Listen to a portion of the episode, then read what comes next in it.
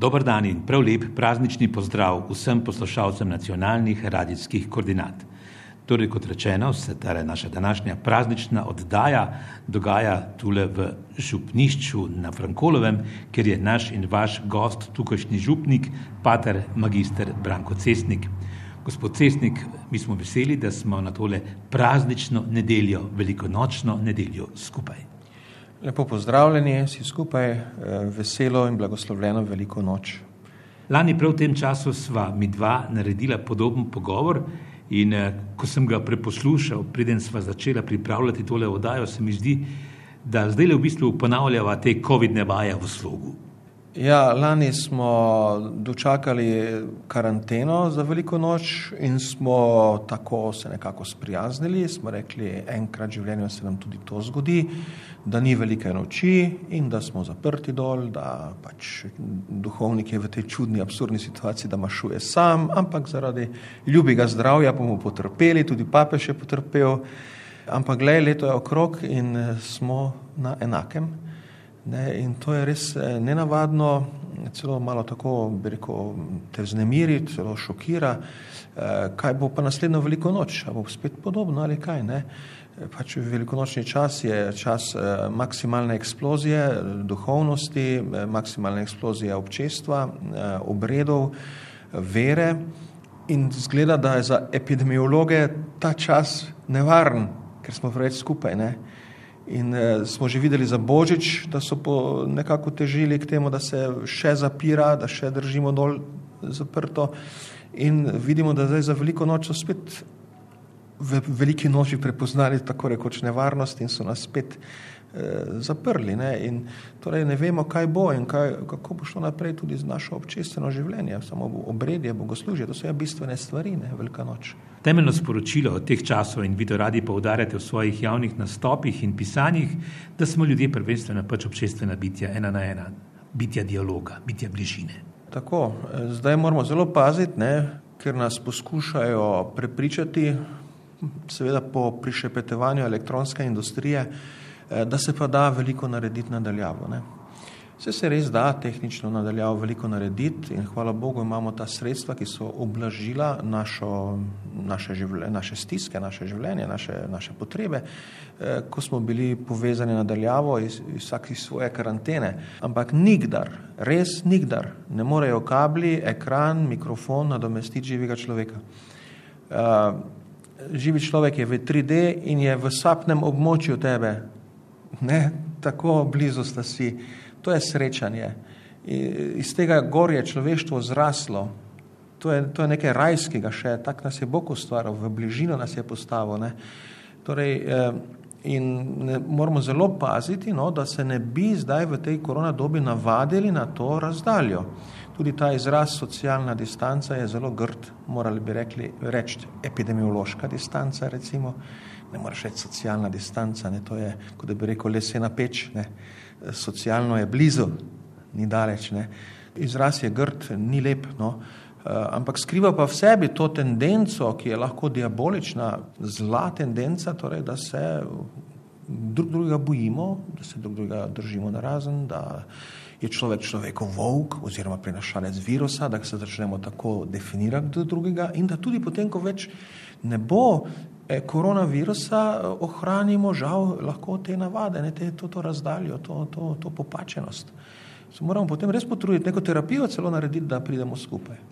Nekje sem na Facebooku prebral en aforizem s tem v zvezi, ena tabla bi naj bila pred domom upokojencev, kjer piše: "Draga babica, tako zelo te imam rada, da te že deset mesecev nisem obiskala." Zdaj zaradi koronavirusa seveda moramo se držati discipline, ne smemo zaradi naše neprevidnosti ali pa tistih prvih čustev, ki jih čutimo, ne, širiti virusa. Tu se od vsakega človeka pričakuje neka disciplina, neka, neko zavedanje. Je pa seveda ta, ta napis zelo tragičen v osnovi, ne. Torej, ker nam govori, da nas je koronavirus dejansko vrgel na kolena in nam je posegal v družinsko življenje, posegal v najdragocenejše odnose, vsi imamo lepe spomine na stare starše, vsi vemo, da smo odraščali s starši in starimi starši, kakšen vpliv so stari starši na nas imeli, to vsi vemo, ne. Zdaj pa napišeš: "Zato, ker te imam rad, te ne obiskujem," ne, to je zelo tragično. V svetem pismu na 365 mestih piše direktno in izredno, kot apel, skoraj zapoved: Ne bojte se. Ta COVID zgodba, planetarna, pa je na tej sociokulturni ravni agenda strahu. Ja, zdaj, seveda, ne, strah je gospod, rečemo v, tudi v pregovornem jeziku, malo straha je potrebno. Če ni nič straha, potem tudi bi bolj neprevidno vozili na cestah, malo nas mora biti strah, ko se vsedemo za volan. Eh, malo nas mora biti strah izpitov, da potem se učimo in tako, ne, se strah ima to svojo vlogo. Eh, seveda ne sme pa postati gospodar naših duš, ne, prav tisto, ko rečemo gospod, gospod, torej strah gospod, um, ni on. Celo sveto pismo je naravnano na to, da, da, da, da ti da sporočilo ne strahu, osvoboditve od strahu. Ne. E, tukaj potem v Novi zavezi je to direktno povedano. Pa celo sveto pismo je naravnano, če pogledate vse te zgodbe, od eh, Abrahama naprej, pa že tudi pri Adamu in Evi ne, lahko vidimo, da kača manipulira s strahom, ne, že poskuša. Ne. Kaj pa, če Bog se vama laže? Ne, tako da bi ona dva bila malo prestrašena, bi se bala Boga, ne, ki jo je ustvaril. Torej, in tudi zdaj ne smemo postiti kljub vsem torej, preventivnim ukrepom, vsem disciplina, ki, ki je potrebna v teh razmerah, vendar ne smemo postati do konca prestrašena bitja ker potem pa izničimo same sebe, svojo svobodo in dajemo možnost oblastem, da govorim o politični oblasti, govorim o oblasti kapitala, o oblasti farmacije, elektronike in vsega temu, temu, temu oblastem damo, damo moč nad našimi dušami. Ne. Te pa tudi kome čakajo, da bodo zaslužile z nami. Se spominjam, pred leti so tisti, ki preventivno razmišljajo o naših otrocih, ne, zaskrbljeno izjavljali, kako je dve, tri ure ekranske prisotnosti mladih lahko že zelo, zelo škodljivo. Sebastian Kristovič, ki je vodilni slovenski strokovnjak za te ekranske odvisnosti, izredno pravi, da če so otroci 5-6 ur pred ekrani, razno raznimi, ne, da to s časoma lahko postanejo takšne irreverzibilne poškodbe možgan, kot da bi bil na štangici heroina.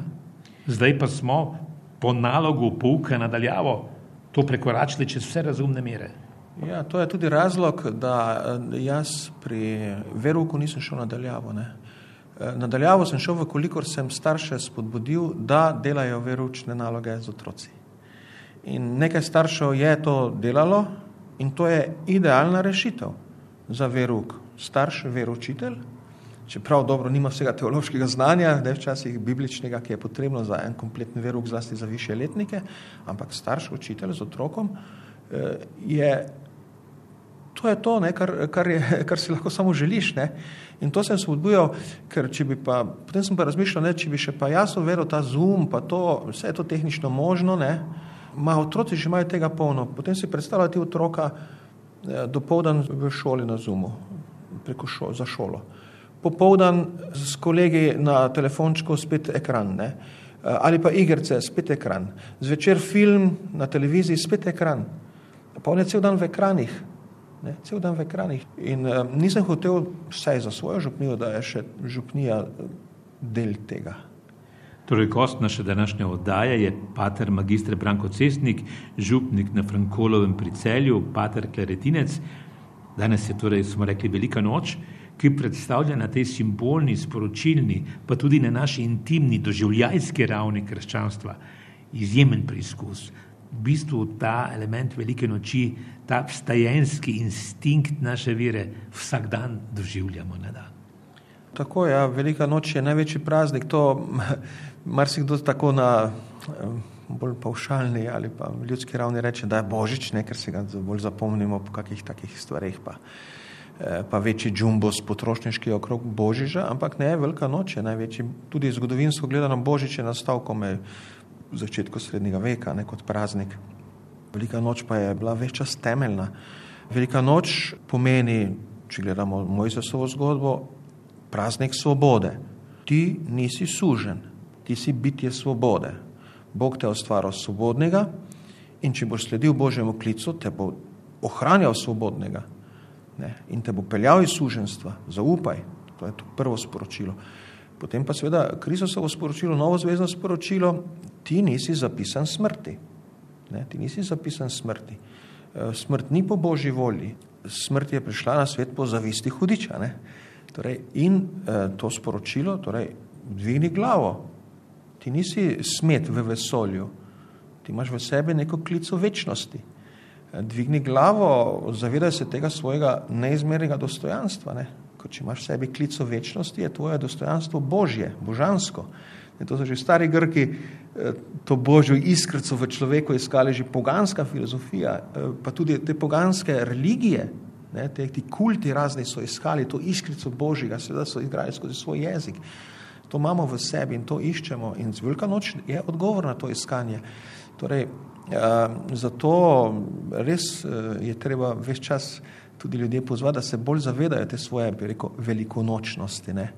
Uh, in, ampak vidim, da ni to tako težko, ker ljudje itak hočejo to, ne iščejo, ampak dobro, ne iščejo vedno skozi te, to govorico, ki jo ponuja crkav, ne, ampak skozi drugo. Recimo najpogosteje zdaj vidiš to, kako se oglašajo, kako v povezavi z naravo, ne, kako imajo radi recimo cvetno nedeljo, kako se radi eh, naredijo butere in ta kozmična govorica jih nagovarja tudi, ne, ne samo zakrmentalna, ampak kozmična, naravni ciklus, da nekako v naravi prepoznajo zmago življenja nad smrtjo in da se s tem identificirajo, ker to je njihovo dušno stanje, taki hočejo biti ne, in to je tudi lepo. Ampak vendarle, na tej simbolni ravni ste rekli, da je velika noč sporočilo človekove osebne odločitve za večno življenje in to je ključno. Ne? Če ni večnega življenja, tudi svoboda nima pravega smisla. Smo tragično bitje, zaprti v ta svet, no? če ni večnega življenja. Sveda zdaj potem ti lahko tu v tem svetu vendarle spremeš nekaj odločitev. Uh, Albert Camus um, se je s tem veliko ukvarjal. Jaz sem ga posebej študiral, ko sem študiral filozofijo, ta francoski Nobelovec. Eksistencialist. Eksistencialist, um, ki pa se je predvsej tudi znal oddaliti od teh političnih eksistencialistov in je torej, um, on zastavil življenje, filozofijo tako, zakaj ne narediti samomora. Ne? Če je vse absurd, če torej ni Boga, ne, on pač izhaja iz ničeja, Eh, kako, kako ne narediti samomora, ne? potem pa se, se, se usmisliti. Ne? In on potem nekako reče, ne, torej, dvignite se na absurd v moči nekega upora, ki ga imaš v sebi, v moči upora proti zlu, ker vidiš, da je zlo okrog tebe. Ne? In skozi to potem ti spostaviš neko dostojanstvo, neko pokončnost. Ne? Uh, torej, uh, hočem povedati, da je tudi ateistična filozofija. Ne? Na koncu v teh segmentih išče pokončno človeka, dostojanstvo, če tudi je potem si sam materialist, pa rečeš, smrt je vsega konca, pa vendar le bi jaz rekel, če to preverjam v krščansko govorico, iščeš to iskrico Božjega. Ne? Nekateri pravijo, da je teizem itak ena poslednjih herezij krščanstva. Ja, jaz bi tudi tu navedel še dodatno eh, eno misel eh, Marka Rupnika, ki je rekel, da kristijani in isti smo, eh, se lahko v marsičem strinjajo. V tistega Boga, ki ateisti ne verujejo, običajno tudi kristijani ne verujemo. Ne? Ker, eh, Ko ste omenjali Kamija, on pravi v tistem svojem znamenitem Sizifovem mitu, zadnji stavek se glasi: Il fosima žene Sizif euro. Treba si je zamišljati srečnega Sizifa. Kakšen ja. paradoks? Kako? Ja, to je kamijevski paradoks. Torej, da, po domače povedano, ti veš, da boš umrl, in da po smrti nič ni, pa vendar tisto svojo skalo tiščiš na vrh hriba. Čeprav veš, da bo skala dol padla. Ne?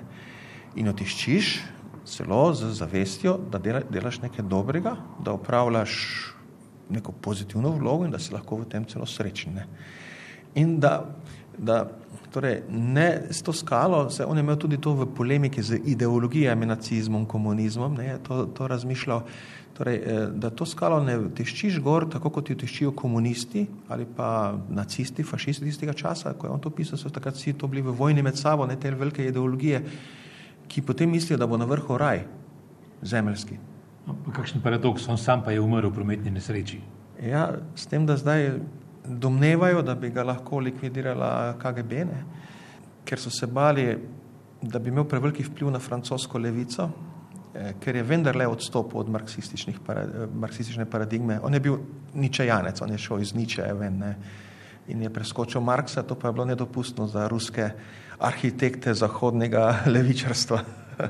Sva še kdaj rekla v kakšni podobnih oddaj, da se zdi mnogim malo nenavadno, ne, da ste vi za svoj magisterij izbrali znamenitega avtorja Žena Joneska ne? in njegovo plešasto pevko. Pa ste takrat tako dobro razložili, zakaj. To je tisto, če se povežem ne, na to, ta velika noč, ki je vse posod prisotna, ne, to hrepenenje po več, po višjem. In to v umetnosti je tega ogromno. To je srž umetnosti na koncu. Ne. E, umetnost, če hrepeni po nižjem. Hrepenenje po Bogu, tako ni ja, umetnosti, ja, kako? Če bi umetnost hrepenela po grdem, po blatnem, po nižjem, bi sama sebe izničila. Ona mora iz blata, seveda grdo prikaže, blato prikaže, ampak iz tega se dviguje človeški duh. Ne. To je umetnost. In, eh, in jaz ne bi tega nikoli razumel. Jaz sem gledal eh, na Ptuju, v srednjem šolskem centru so nam predstavili učno uro od UNESCO, potem sem še enkrat gledal plešasto pevko, nekje je to že kot gimnazijec. In sem pač imel tiste predstave šolske, to je teater absurda in to je to. In sem pa leta 1988 prebral UNESCO intervju za eno revijo v v, v, v Italiji, ne, v, v italijanščini.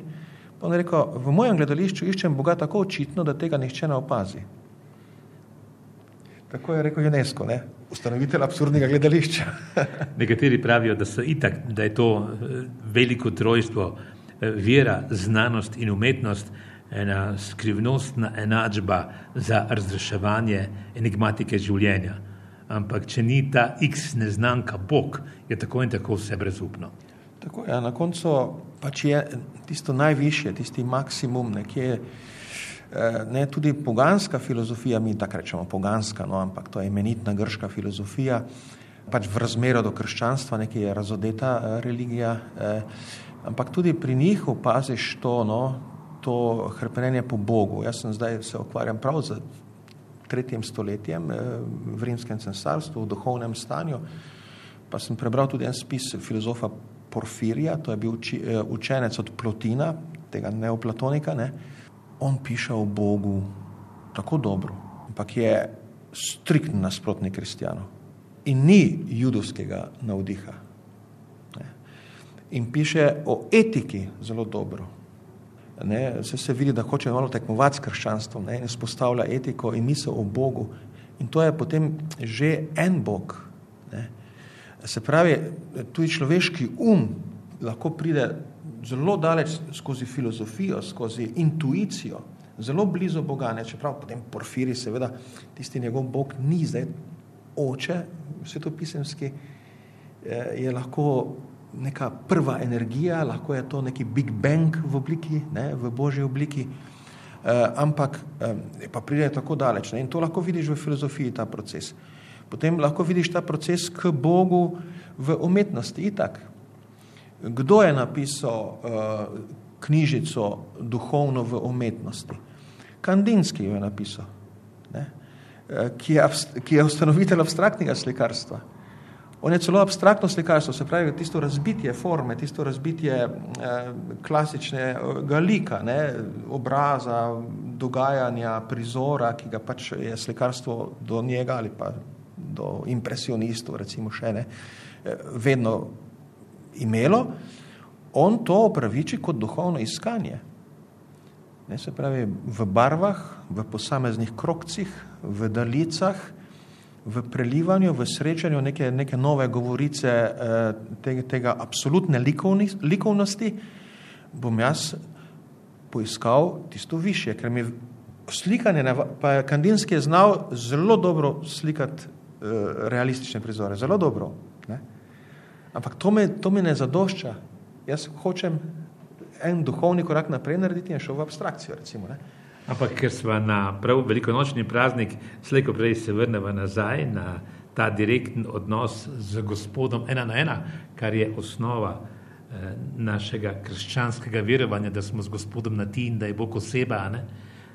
da je v trojedinosti ta oseba prisotna v našem verovanju in naši duhovni intimi. In slejko prej prideva na tisto znamenito zgodbo, ki smo se jo večkrat dotaknila, ko se v evangeliju eh, veliki judovski duhovnik Nikodem pogovarja z Jezusom, pride po noči k njemu in mu reče, kaj si misliš s tem, ko si rekel, da se moraš na novo, no, na novo roditi. A naj gre mamo, pa mu Kristus reče, na novo rojen v duhu. Kdor ne bo na novo rojen v duhu kraljestva, Božjega kraljestva ne bo videl. Tako je, ja, torej, ta naloga eh, prerojenja, ne, zdaj mi vsi moramo imeti še svoj drugi krst. Ne. Prvi krst smo imeli kot dojenčki in se nismo za njo odločali. Potem, ker svetem duhu. Ne? Ja, zdaj pa sledi v življenju, potem iščeš to, ta, ta, ta, ta drugi krst. To je recimo pri neokatehumenih ta intuicija zelo močna. Ne? Se, se reče neokatehumen, novi pripravnik za krst. Ne? In, v katolicizmu bi najprej Birma bila ta inicijacijski ja, duhovni obred. Tako, ja, potem obhajalo Birma, nekje naj bi tisto, kar pri krstu ni bilo, se pravi osebne odločitve, naj bi se potem pri najstniku tukaj, tukaj pokazalo. Zato imam v nekaterih krščanskih crkvah tudi krst odraslih nek smisel. Ne? Ja, krst odraslih, ker krst izhaja iz preobrnenja, predvidenčko ni iz preobrnenja osebnega. Ne? Spreobrnjeni naj bi bili botri in starši. Torej. Ampak na začetku je, torej, slišiš Božjo besedo, se spreobrneš, se daš krsti. Tak je redosled evangelizacija, spreobrnenje, krst. Ne? Zdaj pa z, v tem le, rekel, splošnem krščanstvu, ko smo vsi kristijani, pa se tisti momenti evangelizacije in spreobrnenja splošno okolje več ni tako krščansko. Zato se je potrebno te Nikodemove besede, ta pogovor, ko Jezus reče Nikodemu, ne v ponovnem rojstvu, vzeti zelo resno. Dejansko, čeprav si rojen v krščanskem okolju, čeprav si dal skozi tiste prve uvajanja, ne, ti lahko to zgubiš, ker splošna podlaga ti več ne bo pomagala, ker okolje več ni tako zelo krščansko, kot je bilo in moraš opraviti svojo pot. Jaz običajno vidim, da ljudje to svojo pot opravijo običajno, običajno skozi neko preizkušnjo. Ne. In potem ljudje začnejo razmišljati o sebi drugače, začnejo si postavljati vprašanje o smiselnosti, potem zakaj mi je Bog to naredil. Ne. Ljudje to mišljajo zelo preprosto. Ne tako se pojavi to jobovo, jobovo vidik, ne, to vprašanje. In potem se dosti krat nakažejo te smernice ponovnega rojstva. Ne. Torej, če poveževa, Patr Branko Cesnik, eh, začetek s koncem v tele oddaji, kaj nam pravzaprav v teh velikonočnih sentimentih, danes je velika noč, eh, sporoča na tej osebni, intimni ravni, na ravni naše osebne, intimne vere, ta demonski pandemični čas je zagotovo tista nekaj, tista velika priložnost za vsakega od nas, da tole veliko noč osebno zaživi v vsej polnini svoje odločitve za večno življenje in Boga. Tako koronavirus je zlo, ne? ampak je tudi sporočilo. In to sporočilo je potrebno razbrati, je eno znamenje časa. Sporočilo je to v naši naravi, ni za ston koronavirus prišel na človeka iz netopirja, pa še vmes neke druge živali, ne. Torej, eh, govori o naše povezanosti z naravo, eh, odpira se tu avtomatsko ekološko vprašanje, je sporočilo o družbi, o pravičnosti, razvijati moramo solidarnost, eh, ne more samo na se misliti, recimo pri cepivih, najprej najšipkejši, se to država dobro razporedila, izpostavljeni šipki najprej, ne, potem ostali, pa da bo pravično razdeljeno, pa da zastojno, da je dostopno za vsakega, ki se odloči, pa da pri tem ne pozabimo tistih držav, ki pa nimajo zdravstvene skrbe, ki ne vemo, kaj se pri njih dogaja. Ne.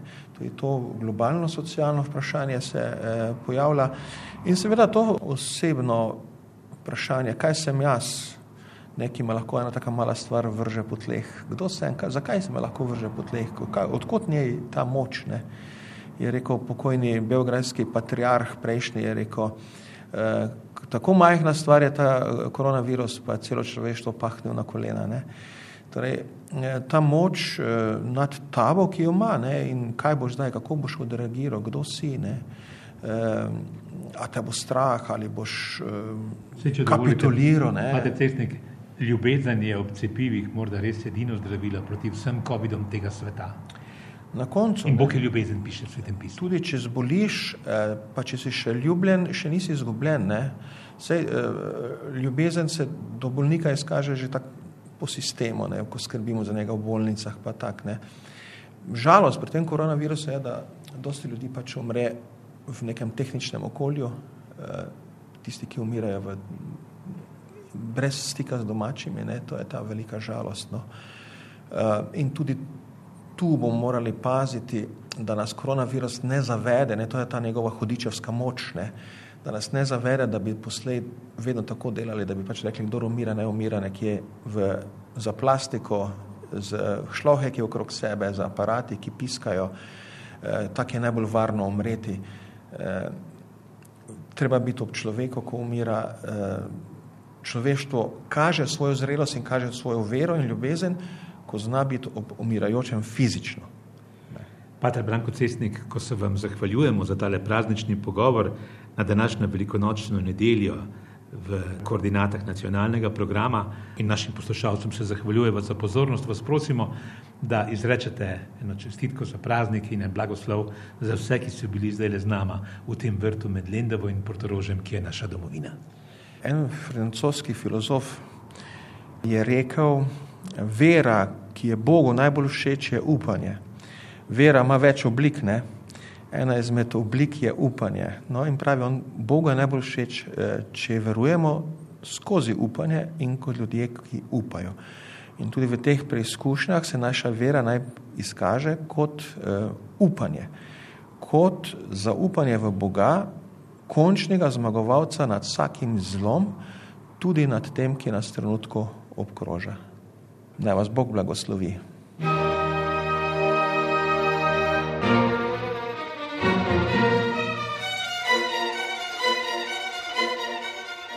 Sedmi dan.